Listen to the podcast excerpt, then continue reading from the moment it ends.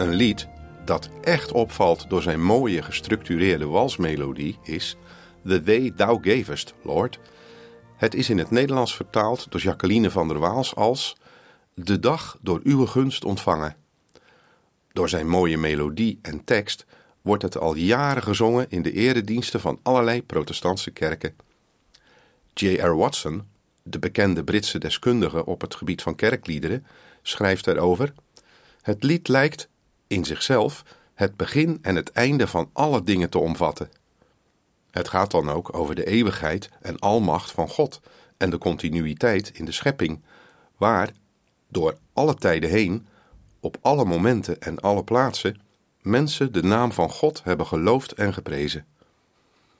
Het lied werd geschreven door de Britse dominee John Allerton, die leefde van 1826 tot 1893. Hij schreef het in 1870 toen hij zijn avondwandeling maakte om les te gaan geven.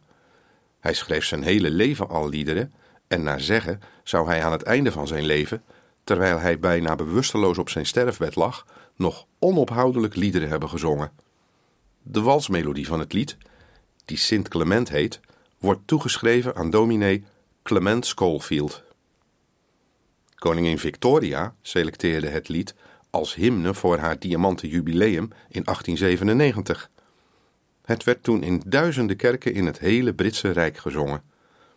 Nog opvallender was dat het precies een eeuw later ook gezongen werd toen Groot-Brittannië in 1997 de macht over Hongkong overdroeg aan China en het laatste hoofdstuk van het Britse imperium werd afgesloten. Het lied is een continue lofprijs van de Heere God.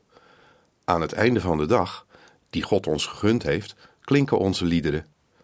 Daarmee wordt de dag als het ware teruggegeven aan Hem. Daar, waar in de verte de nieuwe dag alweer begint, daar wordt opnieuw tot God gezongen. Er is dus geen sprake van onderbreking. Wereldwijd wordt God voortdurend lof toegezongen. En daarmee wordt de aarde een groot getuigenis van de God van de eeuwigheid, voor wie alle mensen zich uiteindelijk zullen buigen.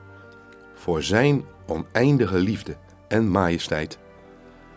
Luistert u naar het Trio at Once, samen met een groot koor en samenzang in de Sint-Bavo-kerk in Haarlem